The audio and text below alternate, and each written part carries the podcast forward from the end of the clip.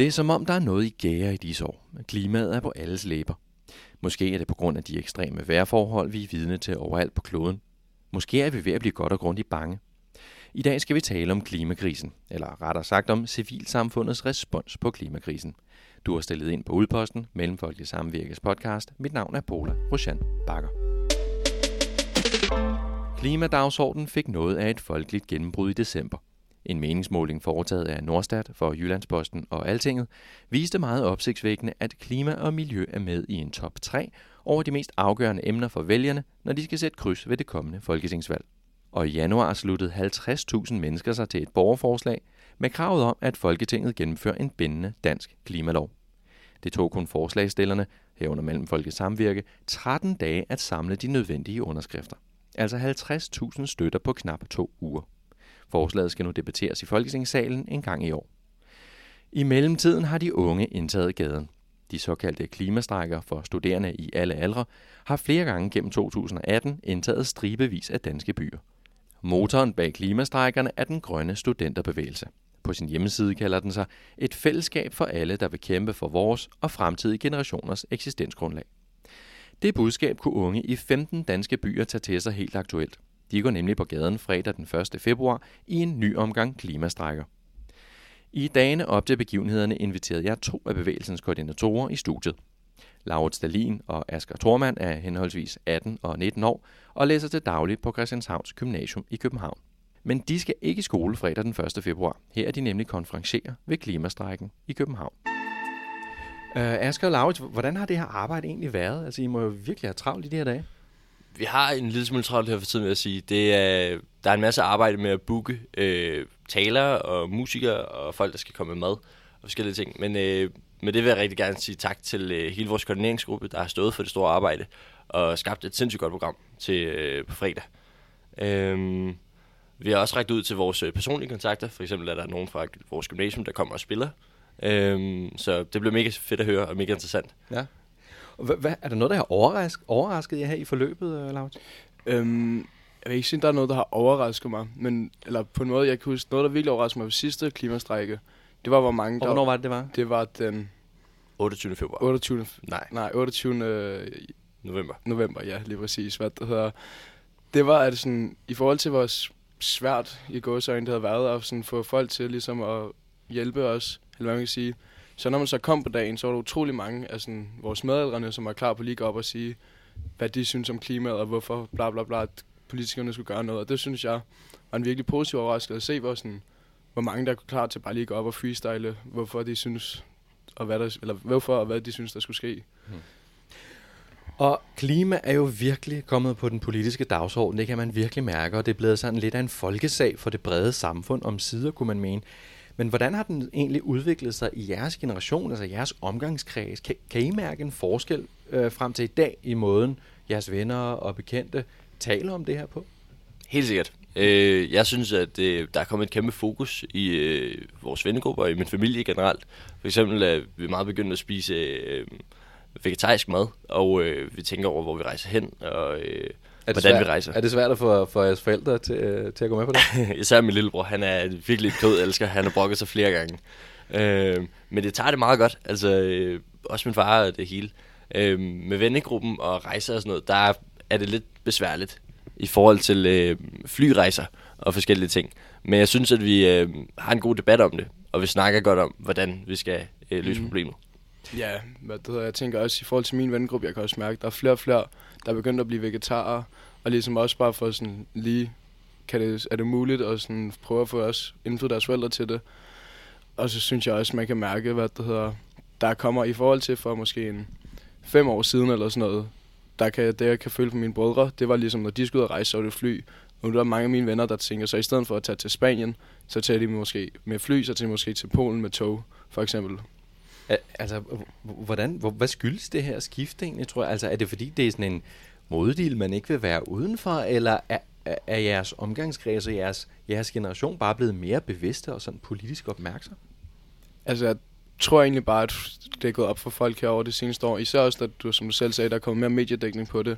Det er gået op for folk, hvor sindssygt vigtigt det her emne er.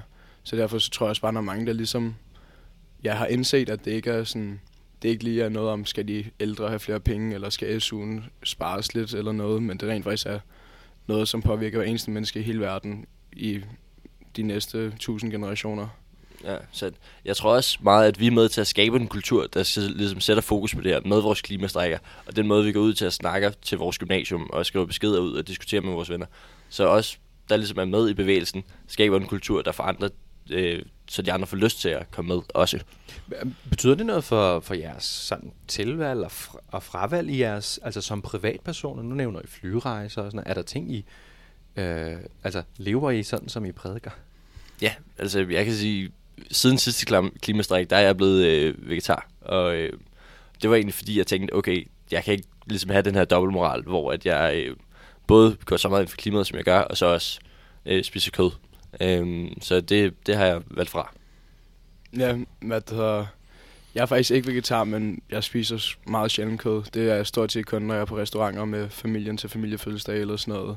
Hvad det hedder, men det er også fordi, jeg har fået mine forældre til stort set kun at lave vegetarisk mad. Og hvis de så laver mad med kød i, for eksempel hvis de laver spaghetti med kødsovs, så spiser jeg bare spaghetti og ser, om vi har noget pesto eller sådan noget.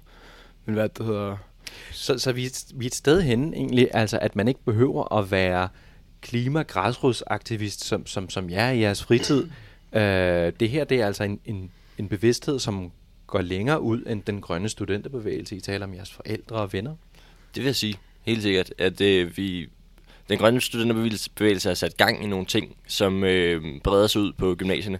Det kan man også se på den måde, hvor at, øh, der er helt vildt mange andre bevægelser, der springer op over det hele Danmark. Og øh, en masse klimastrækker, som vi ikke kendte eller sat gang i, men som har hørt om os på en eller anden måde, og derfor starter deres eget. Så på den måde så skaber det en debat øh, ude i Danmark, som vi ikke helt har kontrol over. Møder I også såkaldte klimaskeptikere blandt jeres jævnaldrende? Øh, jeg vil ikke sige blandt mine jævnaldrende, men det kan også godt være, at det er fordi, de omgangskreds, vi, skal, vi færdes i, de er meget venstreorienterede, de er meget klimabevidste. Men jeg tror, jeg kunne forestille mig, at hvis du tog til... Det er måske også meget dømmende, men jeg kan forestille mig, at hvis man tog ud fra København, at man måske kunne møde nogen. Men hvis jeg ikke mødt nogen på min egen alder i hvert fald endnu. Kan man være, nu nævner du venstreorienteret, kan man være øh, højorienteret og være, være klimabevidst? Det kan man sagtens. Vi går ind for i den grønne studenterbevægelse, at vi ikke har nogen politisk orientering over, at al, klimapol- eller al politik er klimapolitik. Så det skal være begge fløje, og alle er velkommen til at deltage, ligegyldigt hvilken politisk orientering man har. Præcis. Det, er også, det her det handler ikke om, at noget socialistisk, det handler ikke om noget liberalt eller noget. Altså, det handler jo bare om noget fuldstændig humant, som, som handler om at redde verden. Så det er, det er også meget vigtigt at sige, at klimakampen skal på ingen måde spændes op på nogen som helst politik, eller nogen som helst politisk agenda eller dagsorden. Det er fuldstændig bare om et eneste ting, og det er at redde klimaet og redde verden. Klimaeksperter og, og progressive politikere verden over har jo kæmpet i årtier for at få, få klima på dagsordenen, og det har virkelig været op ad bakke, ved vi. Og, og hvorfor tror I, det har været så svært at trænge igennem med klimabudskaber? Jeg tror egentlig, der er to ting. Øhm, for det første er det øh, vores komfort som øh, i det her vestlige samfund, med at vi ikke rigtig vil give op på de her ting, vi ligesom har fået adgang til. Vi har fået adgang til billigere flyrejser. Man kan rejse til Berlin for 200 kroner med flyet. Vi vil ikke give op på vores kød. Det er dejligt at spise en bøf om aftenen. Men øhm, den her komfort er vi ligesom ved at indse, at det har en konsekvens. Og det tror jeg, der er kommet en stigende bevidsthed om blandt unge folk øh, især. Øh, og så den anden ting, det er også, at vi har egentlig et meget økonomisk øh, system i Danmark, og det handler meget om profit. Og derfor har jeg hørt, at øh, vi synes simpelthen, at den grønne omstilling er for dyr til, at øh, vi gider at gøre det. Ja, hvad der meget, især det med, at hele vores system og hele vores samfund er bygget op omkring penge. Men så tror jeg også bare ligesom, at sådan, de penge, vi nu kan tjene og spare, og hvad kan man sige, altså, det har alt sammen en pris, og jeg tror bare, at det er gået op for folk, hvor dyr den pris rent faktisk er. Og, og det kræver vel altså, at man trods alt har ørerne åbne for den slags argumenter, den måde at se vores hele økonomiske system på. Sådan noget. Men hvad er fortsat de største udfordringer i forhold til at få sat det på dagsordenen for folk, som måske ikke lige præcis tænker på den måde? Hvad er de største udfordringer? Jeg synes, en virkelig stor udfordring, det er, at folk ser det ikke bare som en debat, men som en, ligesom en debat mellem venstreorienteret og højreorienteret, og ligesom ser det at være klimabevidst og det at gøre noget for klimaet som noget venstreorienteret. Det synes jeg er et kæmpe problem ved det også, at er også en kæmpe, hvad der, er et kæmpe problem ved det, og super svært at komme igennem med det, fordi hvis der så sidder en højreorienteret og tænker, hører, ej, og så tænker jeg måske, ej, det er noget af det venstreorienterede, der rappler om klimaet igen. Og det synes jeg er et kæmpe problem ved det, at folk ligesom også binder de venstre, eller klimapolitik op på noget venstreorienteret, noget socialistisk. Jeg synes også, det er et stort problem, at øh, der ligesom er en diskussion om, øh, om det er sandt eller ej. For eksempel når en som USA's præsident, Donald Trump, går ud og siger, at han ikke tror på klimaproblemerne og klimaforandringerne, så skaber det en usikkerhed og et, et spørgsmål om det er sandt eller ej. Men det er jo sandt, og det har forskere bevist. Så det er sådan, ligesom en forkert diskurs om problemet. Mm. Altså det, det er selvfølgelig politikerne og, og hvad skal man sige, øh, offentligheden, som kan reagere med deres politiske tilhørsforhold. Hvad, hvad med medierne for eksempel? Er de gode nok til den her dagsorden? Det synes jeg ikke.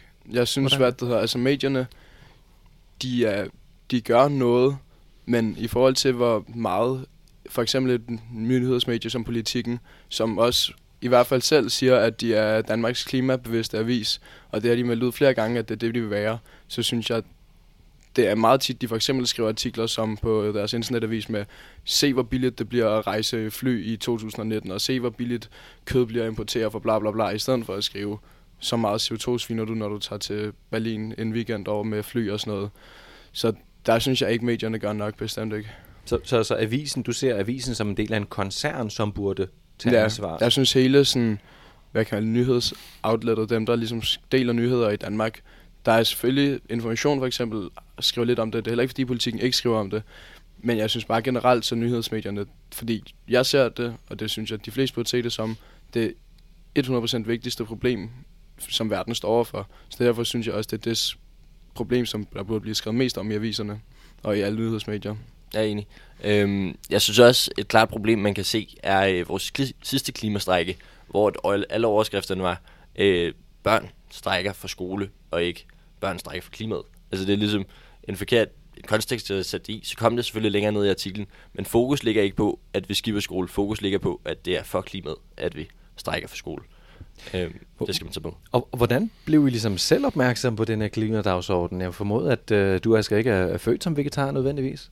Nej, det er jeg ikke. Øhm, jeg vil sige, det er kommet meget ind med mine forældre, øh, fordi at mine forældre begge har været øh, meget miljøbevidste. Men jeg synes selv, jeg kom for alvor ind i kampen her øh, efter sommerferien, hvor jeg kom med i den grønne studenterbevægelse, og jeg deltog i 48 timer for klimaet.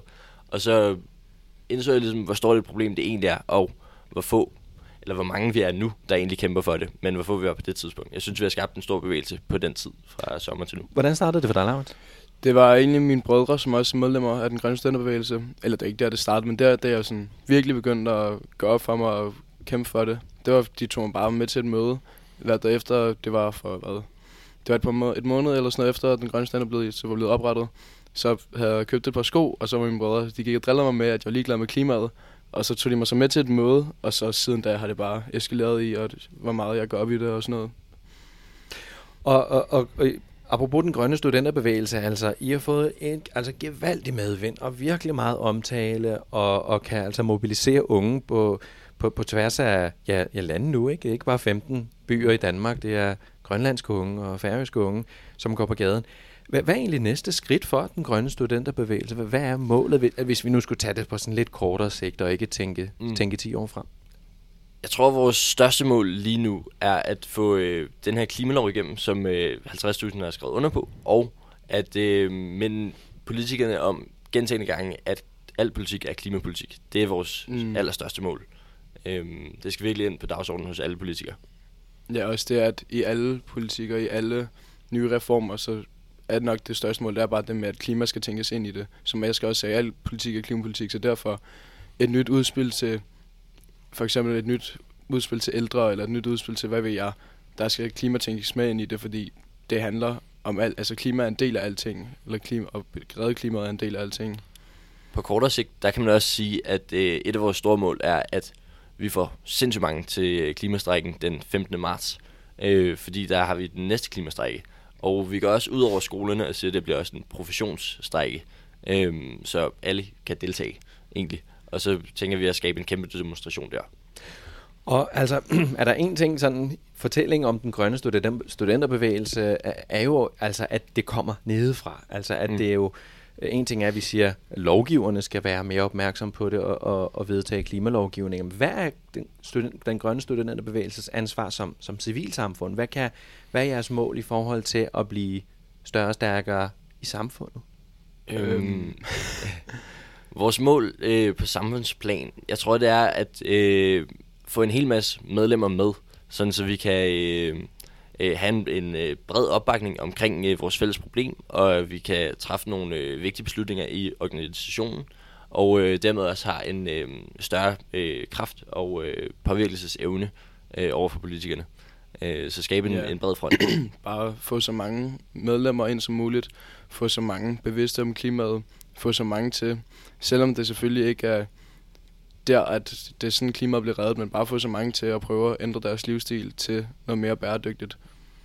Jeg har hørt øh, øh, repræsentanter for den grønne studenterbevægelse omtale det her som et slags oprør, og det er også lidt det, jeg hører på jer, altså at man ligesom skal, øh, hvad hedder det, sparke nogle døre ind.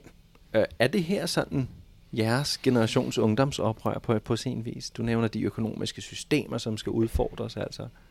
Altså selvfølgelig er det ikke et oprør som i 68 der, eller sådan noget i den stil af besætterne. Men ja, jeg vil da sige, at det er et oprør på den måde, at vi går en masse unge sammen og kæmper for noget, som vi alle sammen tror på, og som alle sammen, som noget, som vi alle sammen synes er utrolig vigtigt. Og som, så på den måde, så synes jeg godt, man kan kalde det et oprør, fordi det er jo ligesom, vi prøver for nogle ignorante politikere til at gøre noget, som de måske ikke har gjort, eller hvis vi ikke havde gjort det her. I hvert fald, det er det, man kan håbe på. Hvor, hvorfor tror I, det her kommer nu? Hvor, hvorfor har I, med, har I så meget medvind nu, og hvorfor kan man få tusindvis af unge til at gå på gaden netop i disse år? Hvad er det, hvad er det der, der sker? Jeg tror, det er den her idé med, at vi har fået at vide, at det er vi er den sidste generation, der har den reelle mulighed for at gøre noget for at redde klimaet. Og øh, Hvad tænker I om det?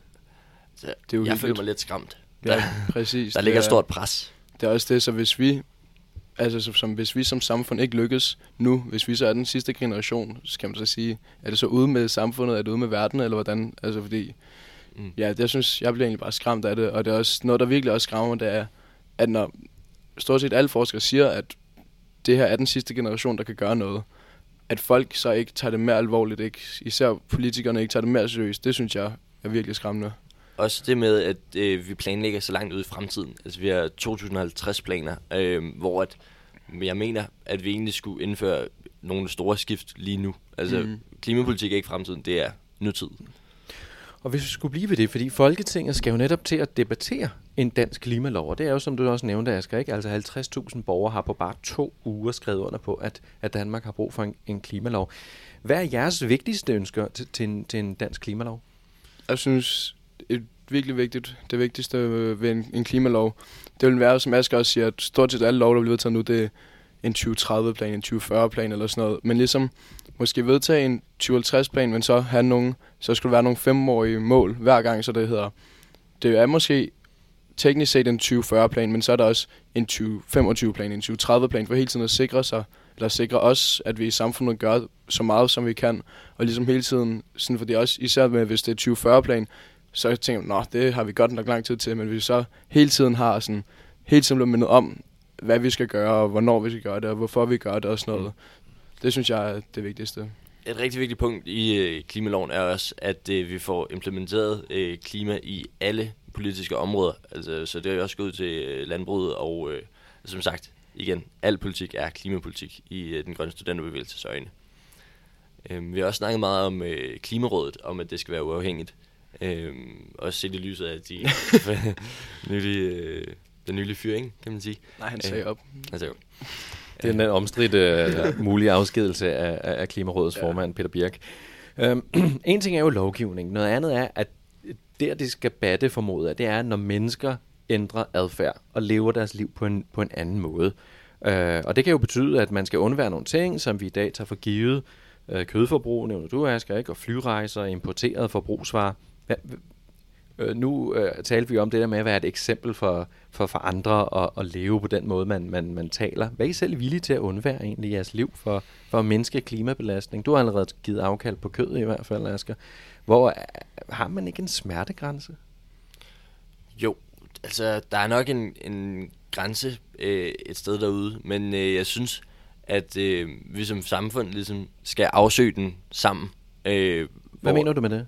Jeg mener, at vi, øh, at vi alle sammen, i hele Danmark, ligesom skal bevæge os mod grænsen for at rykke os tættere på, øh, på hvad vi egentlig kan omgå, og hvad vi kan gøre mere bæredygtigt. Fordi hvis vi alle sammen rykker os sammen, så er det meget bedre, end hvis en rykker sig hele vejen ud til grænsen. Ja, Så hvis vi hele, rykker hele samfundet bare et par grader ud af, så kan vi opnå en hel masse. Ja, selvfølgelig lytter man heller ikke sådan som hvis... Så føles det heller ikke på samme måde, som om det er en selv, der ikke afgør på noget. Hvis for eksempel jeg fik, lad os sige, hele mit gymnasie, eller hele vores gymnasie med til, at nu dropper vi at spise kød, nu dropper vi at flyve, så vil det heller ikke være sådan, at man lige pludselig sad i en situation, hvor alle ens venner skulle til, I don't know, Afrika på en ny fed rejse eller sådan noget. Så ville det ligesom være, at så blev alle enige om, at vi skulle bare, vi tog toget til Berlin for eksempel eller sådan noget.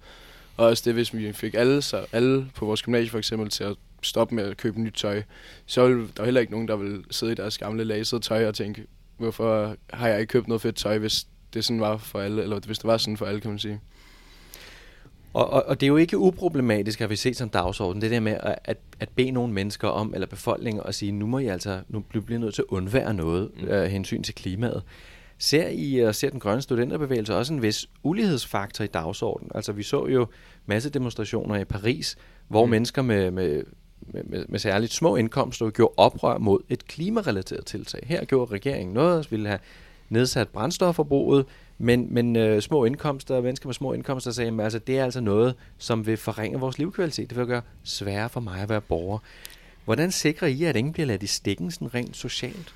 Altså noget, som virkelig er vigtigt, det er klimakampen. Det handler om inkludering i frem for eks- ekskludering. Så det er også derfor, man skal passe på med, at hvis man har en netsum på 15 milliarder, at man så bare går ud og siger til, til dem, der er dårligere stillet end en selv, og siger, hvorfor kører du ikke en elektrisk bil, og hvorfor køber, køber du ikke kun ultra bæredygtige ingredienser eller madvarer, hvorfor køber du ikke kun ultra bæredygtigt økologisk ham produceret tøj, bla bla bla. Så på den måde så er det vigtigt at få alle inkluderet i at gøre det, de kan til deres grænse, frem for at der står nogen, som gør det optimale og peger fingre. Der kan det vel også være svært at vedtage love, som så skal gælde for, for alle over en bred kamp.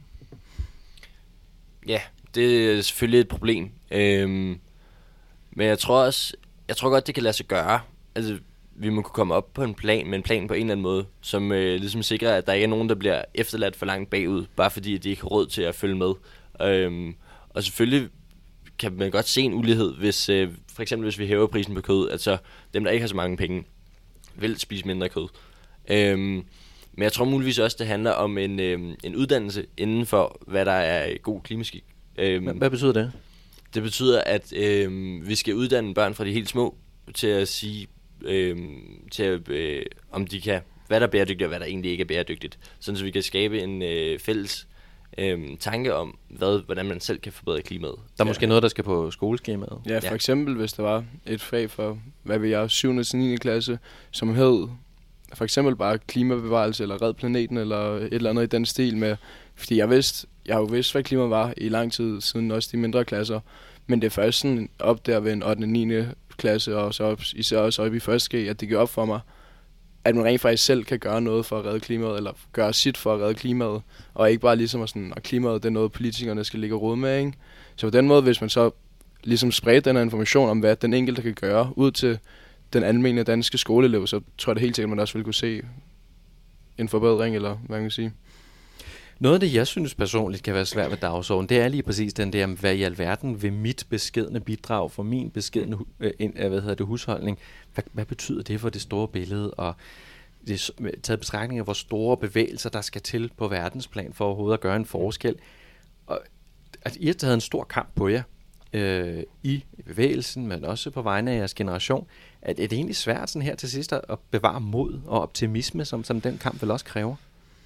Jeg synes, modet er det ikke svært at øh, bevare, men optimismen kan godt være lidt svær. Hvad det hedder, for mig på den måde, at jeg vil aldrig tabe modet med det her, med klimakampen, fordi at det er super vigtigt. Og, men optimismen kan være lidt svær at finde, når man har for eksempel politikere, eller man har klassekammerater, der køber øh, flere 1000 kroners nyt tøj hver måned og sådan noget. Men hvis I modet på selv at kæmpe for det, vil jeg aldrig miste. Er du stadig er du optimist, Asger? Jeg er optimistisk på, øh, på min generations vegne. Øhm, jeg synes, vi bliver flere og flere. Vi bliver flere og flere i bevægelsen, og vi bliver flere og flere til klimastrækkerne. Men øh, samtidig så øh, synes jeg også, at det er lidt problematisk i forhold til øh, fokus. Øh, og der kan jeg nogle gange øh, miste modet en lille smule. Fordi at nogle elever taler mere om, hvor meget fravær de har, end øh, at komme til klimastrækken. Og det er selvfølgelig også en færre sag, men man kan godt opgive en enkelt dag for at øh, sende et budskab, synes jeg. Uh, Asger Thormand, Laurits Stalin, tusind tak, fordi I kom, og rigtig god vind. Selvfølgelig. Tusind tak. Tusind tak. Det var alt for denne gang. Du kan som altid finde udposten i iTunes og på SoundCloud, og naturligvis på vores hjemmeside ms.dk-udposten. På genhør.